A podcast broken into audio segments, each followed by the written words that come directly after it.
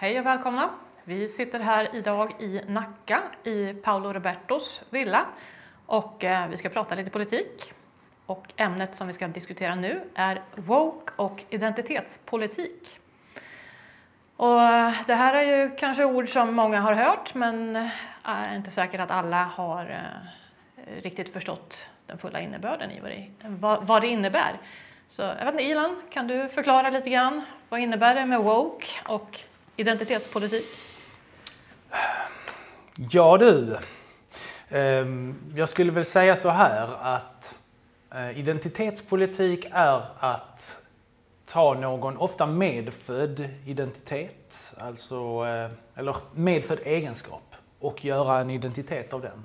Ofta någonting som är genetiskt, om vilket kön du har, vilken färg du har, Ibland kanske det är religion och så också, det är inte riktigt medfött på det sättet. Men någonting kulturellt eller någonting medfött. Och så gör du det till superviktigt. Och så ser man samhället som bestående av en massa undergrupper av de här olika eh, egenskaperna, folk som har det gemensamt. Och de här grupperna ska liksom bli företrädda i alla olika sammanhang. Som liksom att vi du, du, är en vandrande representant för din, dina undergrupper. Du har väl en uppsättning i regel som du är kvinna, eh, du är ganska vit i alla fall jag kan se, eh, du eh, bor i liksom Eskilstuna, ja, vad det nu kan vara för någonting. Va? Då är du en representant för, för den gruppen, vad som än händer. Och det gör att eh, samhället blir liksom blev, debatten blir väldigt lätt så jävla oförsonlig i ett sånt samhälle därför att det finns liksom ingen gemensam grund att stå på. Det är bara en kamp mellan olika identitetsgrupper så att säga. Så identitetspolitiken är någon form av, eh, av, av eh, att göra de här egenskaperna till, till superviktiga. Och vi kanske kan komma in lite på varför det har blivit så. Men eh, i alla fall, det är min definition av det hela. Mm. Ja, men jag håller med. Och jag tror att problemet med det här är att det har funnits stor ekonomisk vinning för vissa, grupper, eh, vissa personer i offentligheten att driva de här grejerna. Att gräva skyttegravar jävligt djupa i det här liksom genuskriget mellan män och kvinnor. Istället för att se att vi, vi är olika, vi kan komplettera varandra.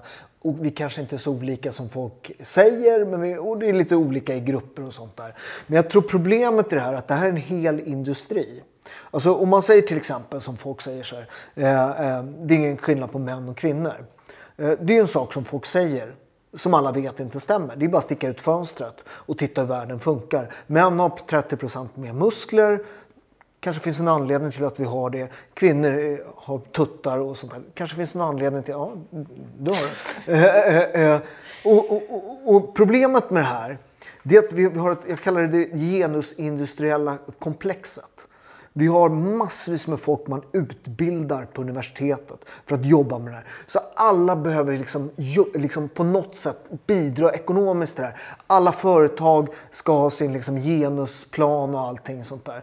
Jag, jag, jag vet, vi, vi, fick på boxningsklubben när jag boxade, när det, precis när jag började, fick vi något från förbundet och då behövde man någon, någon, någon genusgrej eh, liksom för, för boxningsklubben.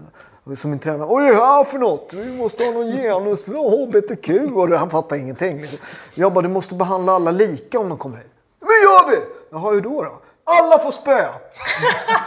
Bra Leffe, då har du en plan. Så han skickade in det och fick det godkänt. Alla får stryk.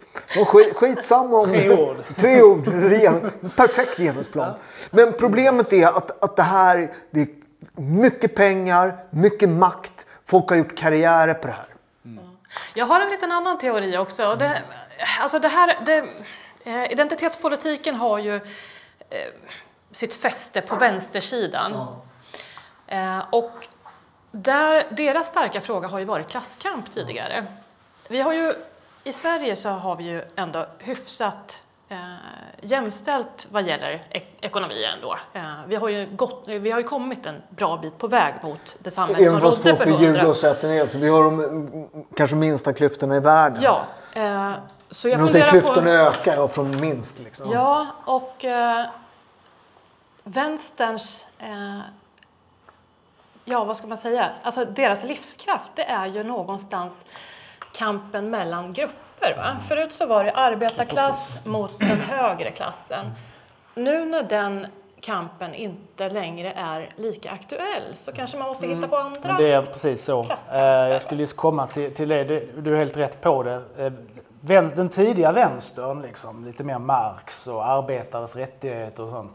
Eh, Jag kunde ha mer respekt för det också på många sätt därför att eh, menar, man tog upp allvarliga problem. Liksom. Men det var rätt mycket att det handlar om lika, man skulle ha lika rättigheter och lika skyldigheter.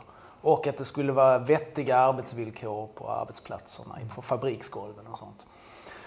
Men sen framåt 60-talet när eh, ja, välfärden ändå började spridas mer och mer efter rekordåren i Europa så började man kanske inse från vänsterns sida att ja, men det blir inga revolutioner av det här. Va?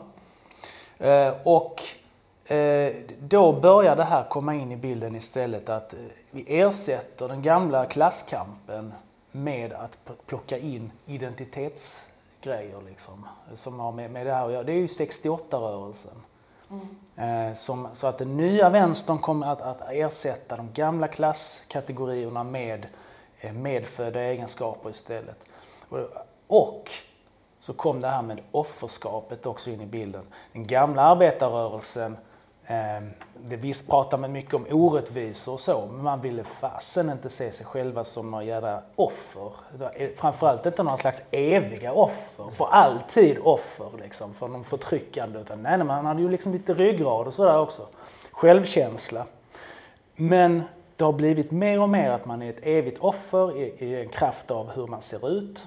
Och, det där, och, och då blir det liksom en... en, en eh, eh, och, och, det är mer, och hur man ser ut kan man inte göra så mycket åt heller utan det är liksom mer permanenta egenskaper. Det där är ju en giftblandning som inte är bra E- alls. Exakt, offermentalitet, det gör att man blir bitter.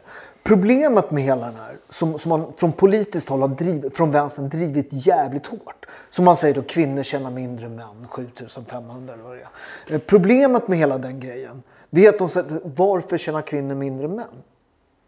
Är det, är det samma yrke? Är, är, är det, nej, det vet ju alla att det inte är så. När man tittar på det här. Arbetsgivarverket har gjort den största undersökning som finns på det. Jag tror löneskillnaderna, om du har samma jobb, samma utbildning, samma, du vet. Det är 1,5 procent. Det är obefintliga löneskillnader. Det finns inte löneskillnader. Det är också förbjudet i Sverige. Om du, om du har en kollega som är man har bättre betalt, anmäl honom. Så är det. Eller anmäl inte honom, utan anmäl företaget. Arbetsgivaren, Arbetsgivaren. Problemet är att kvinnor jobbar inom offentlig sektor. Det här är det största trolleritrixet vänstern har gjort någonsin. Lurat hela, liksom, alltså hela den feministiska rörelsen är bara lurad. Eh, för att vilka är det som, som gör att de har låga löner? Politiker. Så alla de här som, liksom, som pratar om kamp, klasskamp, kamp. Alla de här politikerna, det är de som sätter lönerna till kvinnorna. Det är de som säger, säger till exempel en sån grej som om man privatiserar saker. Så säger de så här, ah, men ska, man, ska man tjäna pengar på, på, på att på omvårdna folk som är sjuka? Vänta nu. Män bygger sjukhusen. Inget problem att det är privat. Män gör mediciner. Inget problem att det är privat. Eh, vi vi gör alla, all liksom, teknologi, inget problem. Sen när det kommer till omvårdnad där kvinnorna finns. Nej, då ska man inte ta betalt. Och då kan inte kvinnor starta företag. Då kan de inte göra karriärer. Då kan de inte tjäna pengar. Så att hela, lyssna, patriarkatet finns inte. Det är inte det som är problemet. Att kvinnor har dåliga, dåliga löner beror på att de har politiker som är deras chefer. Ja, du menar att politikerna då tillför en viss budget för att eh, sen fördelas ut på offentlig verksamhet eh, och därigenom fördelas? Ja, att du har, att du har sämre betalt inom offentlig sektor. Vilka är det som betalar lönerna? Politiker. Eller betalar, ser till att de, det är vi som betalar lönerna, men det är de som ser till hur mycket. Ja, så det handlar ju lite grann om vilka olika karriärval man gör. Eh, Jag tänker, karar eh, är ju ofta också lite mer risktagande. Vilket man kanske även behöver vara för att nå de här högre, högre positionerna. Alternativt starta egna företag. Eh, Jag vet faktiskt ärligt talat inte hur det ser ut riktigt. Kom, Ja, män det är mycket mer, mycket, mycket mer. Man brukar säga att män är mer risktagande vilket ofta gör att de kanske blir bland de största vinnarna men de största förlorarna också.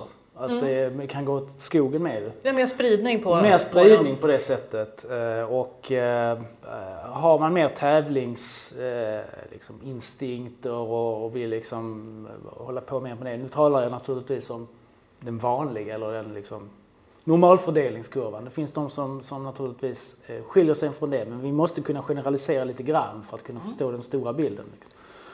Uh, och då är det ju så. Och det påverkar väl så småningom hur det ser ut. Men det intressanta är, och det tror jag Jordan Peterson bland annat har varit inne på med flera, att uh, han pratar ju om jämställdhetsparadoxen, tror jag han kallar det. Ja. Att i, i uh, länder som de nordiska länderna till exempel, där det finns väldigt generösa föräldraförsäkringar och barnomsorg, hela den, hela, allt det som ska göra att att det ska vara så enkelt som möjligt för kvinnor att delta på lika villkor på arbetsmarknaden så verkar de lite könsstereotypa yrkesvalen vara ännu vanligare än, än i länder där det är tuffare. Och där kanske många får välja mellan jobb eller storfamilj eller kanske då måste se till att tjäna så mycket att man kan ha en barnflicka hemma hela tiden och så som det är i många delar av världen. Mm. Och det ser man faktiskt också lite att Sverige ligger ju nästan i botten ibland när man tittar på så kvinnliga toppchefer och så. Så att det, det, det är lite märkligt, att det, men, men, samtidigt inte därför att har man system som gör det möjligt så väljer den, liksom, den genomsnittliga mannen och den genomsnittliga kvinnan mm. lite olika. Det intressanta var ju när han var med, med på, vad heter det, med Annie Lööf där på, vad heter det, Skavlan. Mm. Och han berättar om jämställdhet och, och, forskningen bakom det. Och Annie Lööf, här, forskning, en, av, alltså en, viktig, en av de viktigaste debattörerna på jorden när det gäller liksom här kön och allt sånt. Ja, hennes svar på det när han tar forskningen, ja, jag känner inte så. Det, det är den svenska debatten. Jag känner inte, så tycker inte jag, så känner inte jag. Men, kom ett argument. Så, ja, men, re, re, redovisa någon, ja, ja, men det är helt Men jävligt intressant apropå det här med att ta risker. Jag såg en undersökning med Uber-förare i New York. Eh, det visar sig att män tjänar mer än kvinnor när de kör Uber. Eh, de gjorde en undersökning där. Och det är ju jättekonstigt eh, eftersom det är helt digitalt. Är den här digitala, är den här datorn patriarkal då? Eh, som ser till att män får med, med bättre betalt. Nej. Utan här kommer hela den här forskningen om skillnaden på män och kvinnor. Män är beredda att ta mer risker, det är därför vi dör oftare och i yrke sånt där. Eh, det visar sig att männen, de kör lite fortare. De bryter lite mer mot reglerna och kan ta mer kunder. Därför tjänar de mera. Så, så, så att, eh, och det är ofta det här också man pratar med chefspositioner, att det är liksom nyckeln till, till jag som har drivit massa företag och haft 13, eh, liksom, eh, nästan 200 anställda. Alltså du, du jobbar ju jämt. Mm. Är, det, är, det, är det det bästa man kan vara på jorden? Någon som alltid jobbar? Jag vet inte. Idag när jag jobbar lite mindre, jag, eh, kanske inte. Jag, jag är av den filosofin att jag går gärna ner lite grann i lön. Mm bara jag har så jag klarar mig. Mm. Inte, eller inte gå ner, men jag, jag nöjer mig med att klara mig så att säga. Uh, och sen få kanske lite mer fritid istället. Uh, jag vet inte om det skiljer lite grann Jo, det, det finns undersökningar på det. Är, är det så? Ja. Så att det, jag ser det, det viktiga är att det ska vara lika villkor. Men om den genomsnittliga mannen och den genomsnittliga kvinnan gör lite olika så får det ju, är det väl ett utfall av att man på gruppnivå är lite olika. Mm. Men sen har vi individuella undantag och det är hur bra som helst att de individuella undantagen finns. Det är toppen. Men, men jag menar, regelverket ska ju vara lika villkor för att syftet med hela den här övningen som vi kallar samhälle, eller på sig, det är ju ändå att att alltså, vi ska ju klara oss, stå oss, göra, vara ett robust samhälle som, som eh, ser till att vi har eh, pengar till, till att, att ta hand om våra äldre och liksom så här, få in skatt och hela den biten. Och då ska ju den bästa, den som är mest kompetent ska, ska få den tjänsten det gäller, annars slösar vi bort en massa kompetens. Men, men det är också det här vänsterns problem med, med samma möjligheter, samma utfall alla måste ha samma möjligheter men det är inte säkert att man får, liksom, någon som jobbar här kanske får mer pengar. Men det, det, det, men det är också det här med normalfördelningen när man pratar skillnaden mellan, mellan män och kvinnor. Man pratar om våldsamhet till exempel.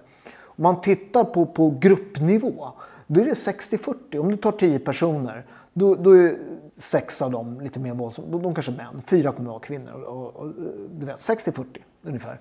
Men tittar du längst ut på kanterna Tar du 100, eh, liksom de tusen mest våldsamma människorna i Sverige, då är 100 procent av dem män. Och den grejen gör rätt stor, liksom, du vet när det gäller att driva företag, extremgrejer. Att det blir, rätt, det blir en markant grej. För det är några få människor som är beredda att liksom göra extrema saker. Och det, och, och det där man, har man jävligt svårt att se. Liksom, för att eh, på mitten är vi inte jätteannorlunda.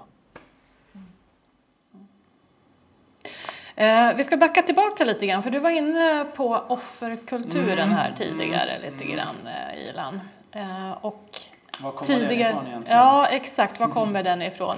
Eh, jag tänker, förr, förr i tiden så då var det ju, man eh, satte ju en ära i att mm. inte ligga och kräla i stoftet va? och mm. inte se sig själv som offer. Man skulle klara sig själv. Eh, man spottade i nävarna och reste sig. Mm. Eh, och idag så har vi hamnat någonstans där det är mm. fint att ses som offer.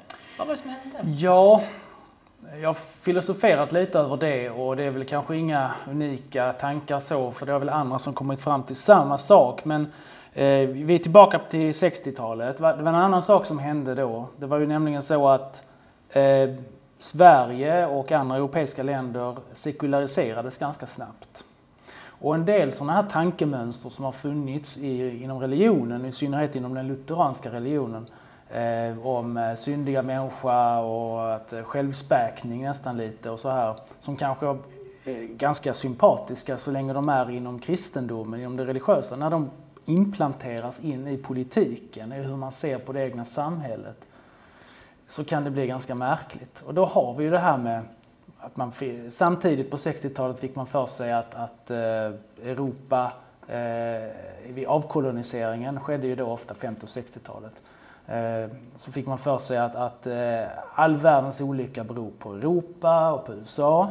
Eh, eh, man får för sig att, att eh, det är de onda liksom och eh, och det här offerskapet, jag funderar lite också på om det är någon konstig variant av av det lite det kristna arvet i att man ser liksom underdogen som, som eh, något heligt. Men samtidigt, det är ju inte den underdogen som reser sig upp heller. Jag vet inte. Det, det, är man, man, man, det kan också ha att göra med välfärdsstaten. Jag tror det, det är också så att den skapar sig klienter på det här sättet. Om man ska se till att, att eh, ju fler som, som är svaga, som man behöver hjälpa permanent, ju mer jobb blir det ju åt välfärdsbyråkraterna. Så det händer ju samtidigt. Vi får en sekularisering, vi får att arbetarrörelsen tappar kanske lite eh, det här klassperspektivet och börjar gå in på identiteter. Och vi får en välfärdsstat som börjar växa framförallt på 70-talet. Mm. Och, och då blir det väldigt inne att, att kanske eh, se folk som svaga istället för att se alla människor har en styrka oavsett var man befinner sig i livet, vilka förutsättningar man har. Sen behöver vissa människor naturligtvis stöd och ska få det. Men, men man ska, det är otroligt viktigt att sluta se folk som är, som är svaga permanent. Jag har en rätt intressant personlig reflektion av det där. Jag, jag var ju vänsterns guldgosse, guldgosse när jag gick från att vara buse till liksom att bli liksom, ordentlig och det så här. Eh, och jag märker exakt när det vände. Det är när jag blev företagare när jag liksom började prata om liksom så här, det går att göra det själv, det går att resa. Så helt plötsligt var jag paria. så, så länge jag stod med hatten, eh, handen, i, eh, hatten i handen och bad om så här, då var jag fin. Eh, men, men, så fort jag började liksom driva företag och massa anställda, då jävlar. Då, då hamnar du på fel jag, sida ja, lite grann. Istället för att vara den här mm lilla killen tänkte jag säga, lilla killen var det väl inte, men, Nej. men, Nej, men, men det här offret då, ja, men du, så, så blev du någon som faktiskt är, du, titta. klarar dig ja, men De kunde liksom vänstern liksom, eh, på scenen och så, titta, det har vi gjort. En annan sak som styrker lite att det är nästan lite kvasireligion i det hela, det är ju det här med all besattheten kring ord och vilka ord man får säga och inte får säga och så va. Det är ju som man tagit att från, från någon form av idé om hädelse. Att eh, du får inte använda, det blir, man är helt besatt av det. Men det kommer ju lite det med det här postmoderna synsättet också att, att vi, hur vi pratar om saker och ting det styr mer eller mindre världen. Men, men kolla, kolla bara klimatdebatten. Alla som inte ser att det, att det är vår nya religion du vet, du vet, klimatförnekare, det var syndare. Du vet. Vi, har, vi har vårt eget helgon Greta. Du vet. Mm, Jag menar, hon är som en profet. Kanske, kanske är så att folk behöver någonting att tro på hela man tiden. Ja, det är det precis. Ja, man om man, hela man har tiden, om man tappat inte har någonting annat så är det lätt att man, och det är precis, man ser ju de här mönstren i de här eh, rörelserna. Undergången, du vet, apokalypsen. allt, ja, allt, det finns alltid bara religion. De har bara bytt det. Ja, det finns lite grann att spana, spåna på eh, gällande det här men tyvärr så är tiden ute nu så vi får avsluta här. Tack ska ni ha. Tack så mycket.